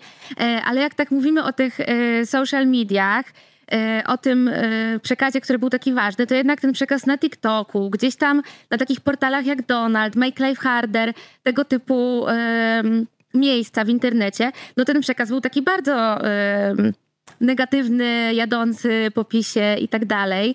I wydaje mi się, że to jednak był też ważny element. Ja może się odniosę, bo absolutnie nie będę ukrywać, że też nie, nie, nie, wytykaliśmy błędów, nie robiliśmy tego e, w sposób jakiś nieświadomy, tylko oczywiście w sposób świadomy, ale Tutaj też y, ogromną rolę miało, y, mieli wyborcy, to znaczy to, jak łatwo dzisiaj y, wyciąć pełną scenę, powielić i przewinąć na TikToku. Sami wiecie, jak, jak się przewija teraz media społecznościowe, prawda? To, to trochę się zgadzam tutaj z, z, z panią redaktor, że ta uwaga jest jednak dość, dość krótka i ten kilkusekundowy film więcej, więcej daje niż jakiekolwiek wiadomości na, na portalach. Więc y, na pewno ta kampania negatywna y, zaistniała. Y, I no, no nie, nie, nie, będę się odżegnywać, że, że nie mieliśmy w tym jakiegośkolwiek udziału, natomiast no, rzeczywiście w pewnym momencie powiedzieliśmy stop. W tych dwóch ostatnich dwóch tygodniach też jakby robiliśmy i wytykaliśmy błędy, to nie można powiedzieć. Natomiast oparcie wszystkiego na negacie jakby chyba znaczy uznaliśmy, że, że, że nie służy temu, że, że biegniemy po prostu do, do mety w, w, dobrym, w dobrym kierunku. Jeszcze e, o jednej rzeczy powiedziała w, w też kontekście mm, pytania i komentarza, że mm, właśnie to, co padło, elementy kampanii negatywnej. Ja bym nawet powiedziała, że wytykanie komuś błędów, które są faktem, nie wiem, czy to jest nawet kampania negatywna. To jest po prostu normalna część debaty. Natomiast jeśli chodzi o tę naszą e, dyskusję a propos tych mediów, czy takie, czy internet, Generalnie zasadą prowadzenia takiej komunikacji wyborczej jest tak zwana strategia kumulacji, czyli działasz wszędzie, gdzie może być twój odbiorca. Jeżeli masz różne grupy odbiorcy, młodsze kobiety, mężczyźni, starszy elektorat, to tam uderzasz z komunikatem. Więc nie, nie wiem, czy bym, bo nie, nie znam jeszcze da, takich danych. Może, może macie jakieś bardziej szczegółowe. Ja jeszcze takich nie mam. Jak był bardzo duży udział tych kanałów, natomiast sądzę, że to po prostu był efekt pewnej kumulacji kanałów, zarówno tradycyjnych, spotkań bezpośrednich i po prostu internetu. To mamy pytanie, e, słuchajcie, jeszcze od pani Renaty. Jak zagospodarować ogromny potencjał frekwencyjny kobiet? Takie mamy pytanie tutaj od pani Renaty na Facebooku. Jak zagospodarować e, ten potencjał kobiet? Ja bym powiedziała, że nawet bym się wkurzyła na to pytanie, dlaczego my mamy być osobno zagospodarowane. No, przepraszam bardzo, mamy E, jest nas tyle, tyle, ile nas jest. Jest nas więcej niż mężczyzn i normalnie z tego tortu chcemy wszystkie kobiety jeść tyle samo, ile... Może ile... w podtekście jest kwestia dotycząca liberalizacji też prawa aborcyjnego, to no, co się to, będzie... To, to na pewno się, to na pewno jest... się wydarzy. Jest y, dużo, dużo rzeczy, które dotykały bezpośrednio kobiety podczas y, tych ośmiu ostatnich lat, które trzeba naprawić, ale wydaje mi się, że też kwestia tego, ile kobiet Y, dostało się do Sejmu, ile kobiet y, jakby bierze udział w tej debacie publicznej, ile kobiet będzie panią, pani minister. Nie wiem, no, czy dzisiaj będą... Donald Tusk przyznał, że nie jest do końca zadowolony z reprezentacji kobiet w swoim rządzie i mówił, że to jest efekt no jednak rozmów koalicyjnych. Myślę, że układanki tak, szerszej. tak. No to jest element oczywiście, bo każdy, każdy wskazuje z, ze swojego głosu, ale no, wydaje mi się, że to naprawdę w dobrym kierunku, w dobrym kierunku zmierza. I, ale takie mówienie, a ile kobiety dostaną, a ile kobiety, a kobiety dostaniemy tyle samo dokładnie, ile, ile mężczyźni, bo jesteśmy dokładnie e, takie same. Może się odniosę do tego. to mężczyzna się teraz wypowie, tak, proszę bardzo. Proszę, a, a, nas, a, nas, jest trzy, a pan jest jeden. Nie, i tak no, przegram. no dobra. I bez e, parytetów, słuchajcie. Miałem chwilę zawahania, czy w tej sprawie powinienem akurat, ale uśmiechnąłem się słysząc o tym, że e, nie chcemy mówić osobno, przecież jesteśmy społeczeństwem, jesteśmy ludźmi i tak dalej i pełna zgoda. Natomiast uśmiechnąłem się, ponieważ kiedy pojawiły się te kampanie profrekwencyjne kierowane do kobiet, mam tu na myśli w szczególności kobiety na wybory i ten taki film cały Cicho już byłyśmy i tak dalej, i kiedy o tym rozmawialiśmy z wyborcami, to właśnie wyborcy wyborcy prawicowi, a w szczególności kobiety o, wybory, o przekonaniach prawicowych, one się oburzały na to. Znaczy właśnie trochę w podobnym duchu. Ja wiem, że wychodziło to z innych przesłanek, ale właśnie trzeba mówić, ale o co tutaj chodzi? Przecież ja jestem właśnie wyborczynią, można napisał wyborcą, natomiast ja chodzę na wybory, ja wiem na kogo głosuję, ja nie głosuję na PiS dlatego, że mnie zmanipulowali, tylko głosuję na PiS dlatego, że to jest partia, które poglądy mi odpowiadają i tak dalej, i tak dalej. Więc co, coś w tym jest, tak? Że rzeczywiście dla niektórych wyborców, wyborczyń to jest w ogóle coś niefajnego. Dlaczego kierujecie przekaz do mnie, jakbym była a, bezwolna, wręcz w ten sposób taki, takie oburzenie było, tak? Czy ja jestem bezwolna, czy nie mogę sama podjąć decyzji, czy ja do tej pory nie chodziłam. Ale też B, jakbym była kimś, no trochę, nie wiem, to jest do powiedzenia, tak? Interpretacja tego, co tam czytaliśmy, kimś głupszym, tak? Że mnie trzeba coś podpowiedzieć. A to jest jeszcze jeden wątek, że prawdopodobnie z perspektywy naszej, te kampanie profrekwencyjne, naszej mówię warszawsko jakieś, te, te kampanie profrekwencyjne są przezroczyste. W sensie mają sprawić, że pójdzie więcej ludzi. Natomiast dla wyborcy, dla wyborczy prawicowych, one nie są przezroczyste. Są kampanie liberalno-lewicowe, tak? Te kobiece miały swoje uzasadnienie w tym, że zapanowała panika, zdaje się tam w wakacje, gdzie pojawiły się badania, że tam co która, co, co trzecia, co piąta tak, kobieta nie, chce nie chce iść na wybory i to stąd była taka silna, I, prawda? Ja uważam, że one przyniosły swój skutek, bo tak, widać tak, tak. ile kobiet ruszyło. Ja mówię, że nie, mówię, jakie bywają reakcje wśród osób o prawicowych przekonaniach. To wynika z tego, że, że zasadniczo ten bardziej prawicowy elektorat jest trochę znudzony, nie wiem, zły na to, że się ludzi zaczyna e, kategoryzować przez pryzmat płci. Czyli po prostu wchodzisz i najpierw się, tak, czy ty jesteś, już nikt nie patrzy na osobowość, charakter, tylko ich to, co jest zresztą wpisuje się w taki profil, prawda, prawicowego wyborcy. No to przecież uważam, że bardzo sobie zaszkodziła Marszałek Witek w kampanii, która opowiadała właśnie o tym, że dziękowała mężczyznom y, i opowiadała o tym, że dzieci podziękują, w cudzysłowie podziękują, czyli zemszczą się na rodzicach, którzy prowadzili ich na marsze. Miałeś takie wystąpienie. Było, tak, było takie, bo ono trochę umknęło uwadze, dlatego że e, Elżbieta Witek przemawiała jakaś e, na tym w Katowicach, jakaś jako piąta po prezesie i tam wszyscy się skupili na prezesie. Więc ja uważam, że to było najbardziej skandaliczne wystąpienie, kiedy, kiedykolwiek słyszałam, bo próbowała mówić, że właśnie, e, że te dzieci, które były w wózkach na tych marszach w obronie demokracji i tak dalej, to one się zemszczą na tych rodzicach, że podziękują tym rodzicom za to, że ich uczą agresji i nienawiści. Takie było wystąpienie. Ja mogę, nie, nie, wiem jak to skomentować, mogę skomentować tak, że nasz najmłodszy, naj, najmłodszy syn ma, ma 3 lata i do tej pory jakby jak widzi, widzi jakąś biało-czerwoną flagę, jakieś zagęszczenie w telewizji, mówi, to tam byłem, tam byłem, tam chcę iść. Bardzo mu się podobało. Nic nie rozumie z tego, ale mówi, że mu się bardzo podobało. Ale był, był i był też był. świadkiem historii, no o tym mówię. Tak. No i każdy tak. uczestniczył w tej rewolucji. No, mam takie wrażenie, że...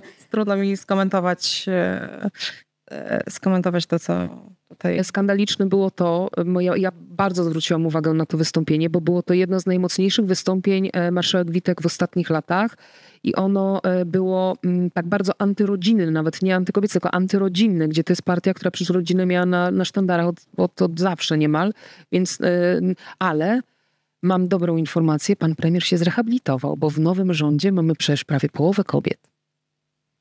Tak, pytałyśmy dzisiaj te panie, ale nie chciała odpowiedzieć, dlaczego e, weszły w ogóle do tego rządu. No ale mamy ikonę przecież tego rządu, aktorkę. Już nie będę nic więcej mówić, bo w internecie też niepotrzebna chwala, aż taka hejtu jest. E, ale, ale no była to łapanka, co to dużo mówić. E, czy jeszcze ktoś z sali, proszę państwa, odwagi? Od... O, jest, jest. Proszę bardzo. Jest kobiet. Dziękuję bardzo. Y, dwa jak gdyby komentarze i też pytanie. Mm, bardzo słusznie y, mówiła Pani o tym, że elektorat PiSu z nami zostaje w, w kraju, w ojczyźnie i oczywiście trzeba robić wszystko, żeby teraz te podziały zasypywać. Chcę zwrócić uwagę, bo robiłam swoje własne takie badania również wśród osób ze starszego pokolenia, które popierały PiS i ja stawiam tezę, że PiS w sposób bardzo niecny i uważam niegodny wykorzystywał lęki pokolenia 60 plus 70, bazując na tym, nasi rodzice i dziadkowie byli dziećmi w czasie okupacji niemieckiej. Im się bardzo źle to kojarzy i mówię, to jest ohydne y, działanie polegające na tym, żeby jak gdyby odnieść się do tych gdzieś podświadomości z ich dzieciństwa lęków, prawda, że oni widzieli te napisy tam tylko dla Niemców, wstęp na plażę i tak dalej. Y, fatalne działanie, ale to jest i jest część elektoratu przekonana po prostu, że Polskę czekają jakieś straszne chwile, będzie landem niemieckim, więc zadanie dla nowego rządu, żeby budować poczucie bezpieczeństwa, prawda? zwłaszcza w tym elektoracie, w ogóle oczywiście w całym społeczeństwie, czyli to poczucie bezpieczeństwa zachwiane poprzez tę y, kampanię taką bardzo negatywną i bazującą na lękach. A druga rzecz, młodzi ludzie, którzy dali popis no niesamowity, zachwycili mnie. Ja jestem mamą trojga dorosłych już w tej chwili osób, którzy szalenie się też zaangażowali, ale oni też oczekują e, w tej chwili efektów, tak? Czyli ci młodzi ludzie chcą, y, zaangażowali się bardzo i wierzą w to, że przyniesie efekt pozytywny to, że oni wybrali ten rząd, że postawili na zmianę, lepszą zmianę. Mm, I mam nadzieję, że tutaj też y, można tego oczekiwać. Bardzo dużo mówiło się o mieszkalnictwie, tak? Ich potrzeby ogromne. Oni są teraz w bardzo trudnej sytuacji Mm, więc mam nadzieję, tutaj też jak gdyby też pytanie, czy jest takie też myślenie, prawda, w sztabie, żeby w, ten, w, w tym kierunku się wsłuchiwać w ten głos tych właśnie rzesz młodych ludzi. Dziękuję.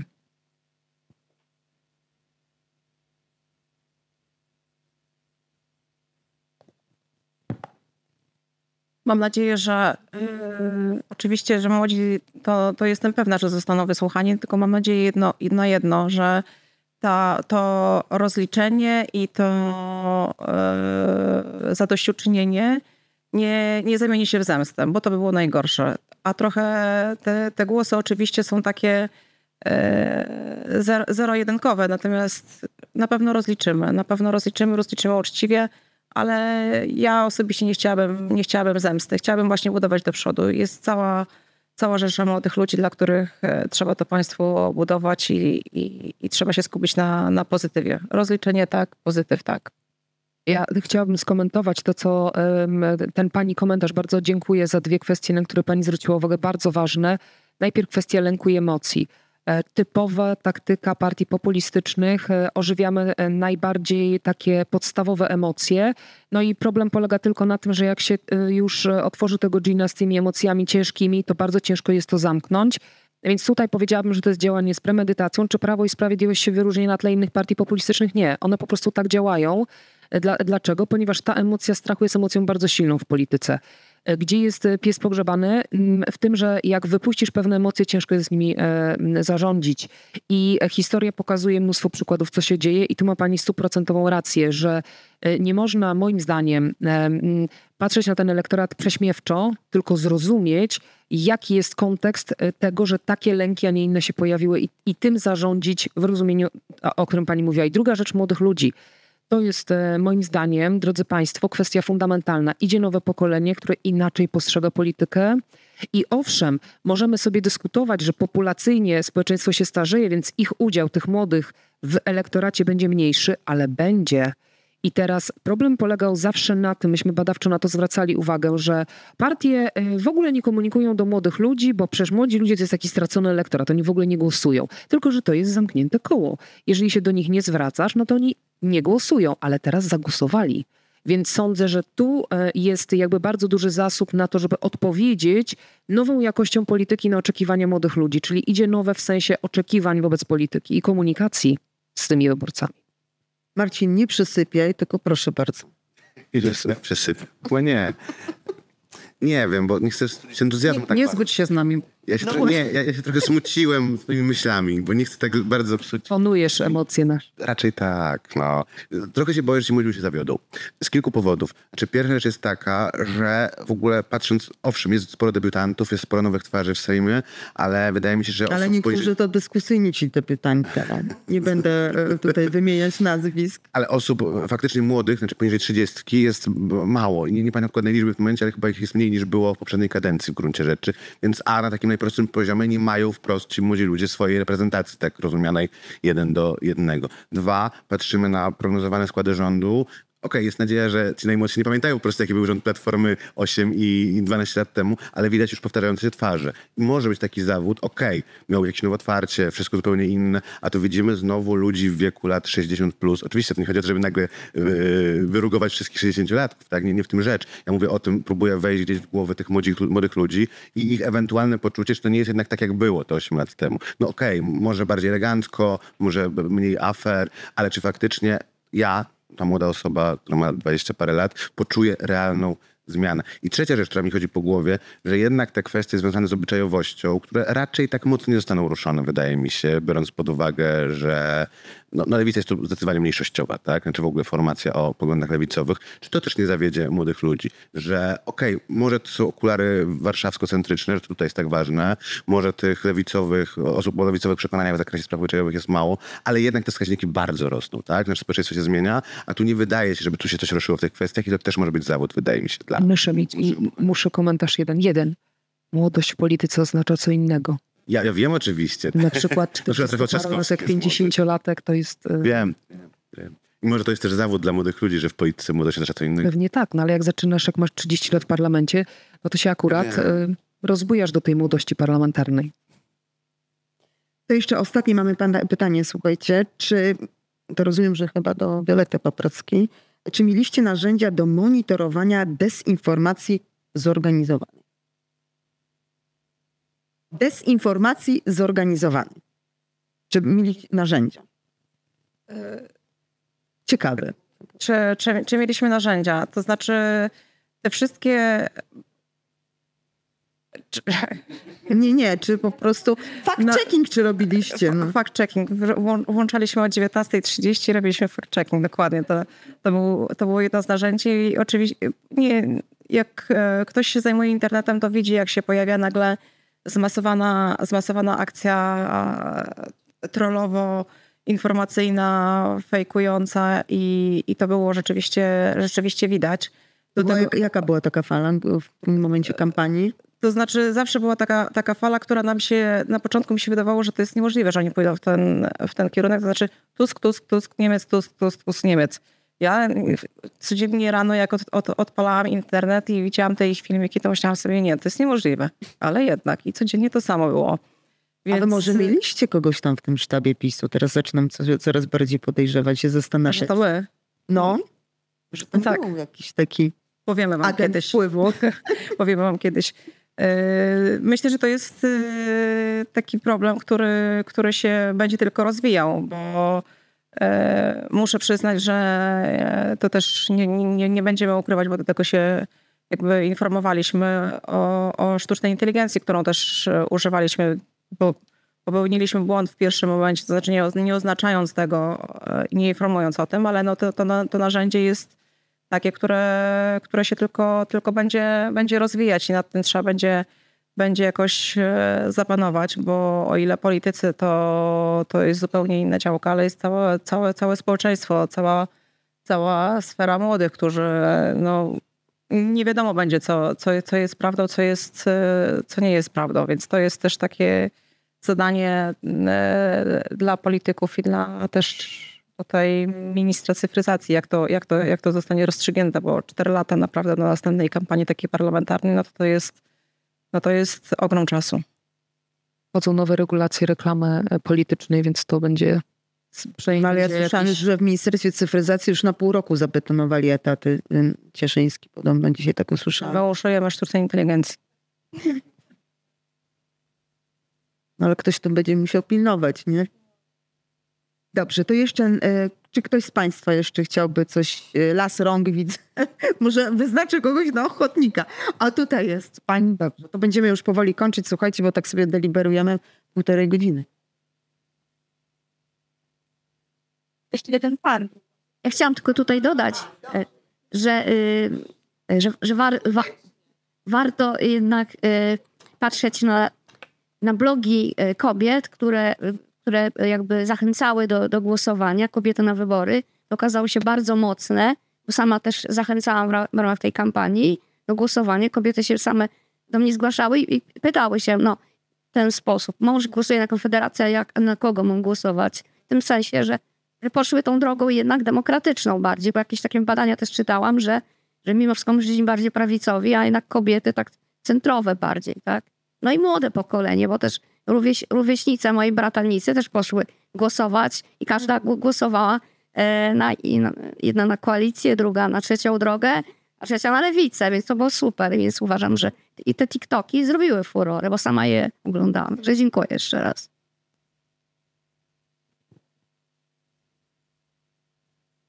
Jeszcze pan, tak? Pan, pan i protestował.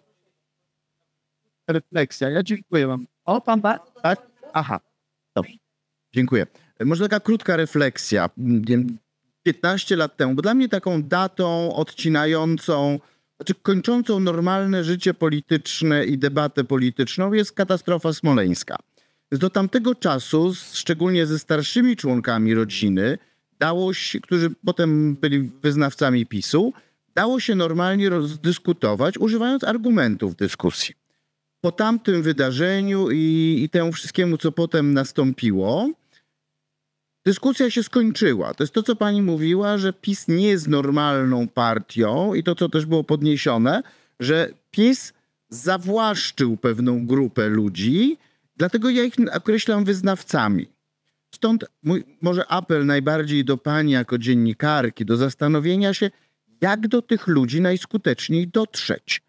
Bo to nie telewizja, y, która mam nadzieję będzie wprowadzona na normalne tory, będzie głównym ośrodkiem, który będzie starał się tych ludzi sobie zjednać, tylko to będą, myślę, media, do których oni są przyzwyczajeni, pewnie pisowskie, nie wiem, może telewizja Trwam, cokolwiek innego, które będą im tłukły w głowę, że oto właśnie ta telewizja została zawłaszczona przez kolorową rewolucję, whatever, i, i to oni was chcą teraz przerobić, ale wy musicie wytrwać, Musicie być wierni swoim ideałom i ani kroku w bok. Więc według mnie to jest bardzo trudna sytuacja, bo mówię, telewizja może zrobić cokolwiek, ale oni nie będą według mnie telewizji wierzyli, ponieważ będą mieli bardzo twardy przekaz. Więc to taki apel może żeby zastanowić się właśnie, jak do tych ludzi najskuteczniej dotrzeć, bo pewnie jakość, mo- jakoś na pewno da się dotrzeć. Dziękuję.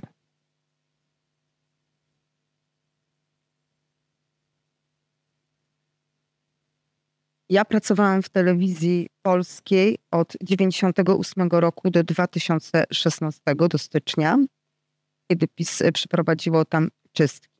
W redakcjach byli ludzie o absolutnie różnych poglądach. E, Niektórzy kibicowali PiSowi, inni lewicy, jeszcze inni Platformie. Było, naprawdę był, e, była wieża Babel. I my, robiąc nasze materiały, byliśmy oglądani przez wyborców każdej z partii, bo to była telewizja publiczna. E, Niektórzy wmówili przez te 8 lat różne bzdury. Ja sama nawet takie na TikToku nagrałam film, e, który miał spore zasięgi, gdzie tłumaczyłam ludziom, żeby nie dali sobą manipulować, że na przykład o czymś nie informowaliśmy, bo gdybyśmy nie informowali, to TVP nie miałoby z czego robić tej anteny, bo wszystkie archiwalia miały od nas. Zmierzam do tego, że y, dużo starszych osób y, y, było skazanych na TVP. Sama moja babcia, która mieszka na wsi, ona nie miała innego kanału dotarcia i wiem, jak źle to na nią wpłynęło, mimo że ja dzwoniłam i starałam się jej cały czas prostować tą rzeczywistość. Ale ludzie starsi po prostu, no to jest jedyna forma rozrywki, więc ten telewizor jest włączony non-stop. Ja uważam, że jeśli przywróci się, to, jest, to będzie bardzo trudne, bo uważam, że wielu dziennikarzy, bardzo powiem brutalnie, po prostu się też zeszmaciło. E, I ludzie to widzą. Ja nie będę broniła e, części mojego środowiska, bo się dali złamać, dali się kupić, albo inni e, po prostu chcieli zarobić przy okazji.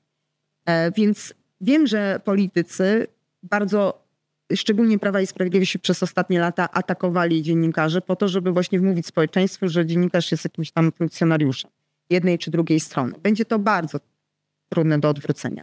Ale ja nie uwierzam, nie uważam, że e, beznadziejne.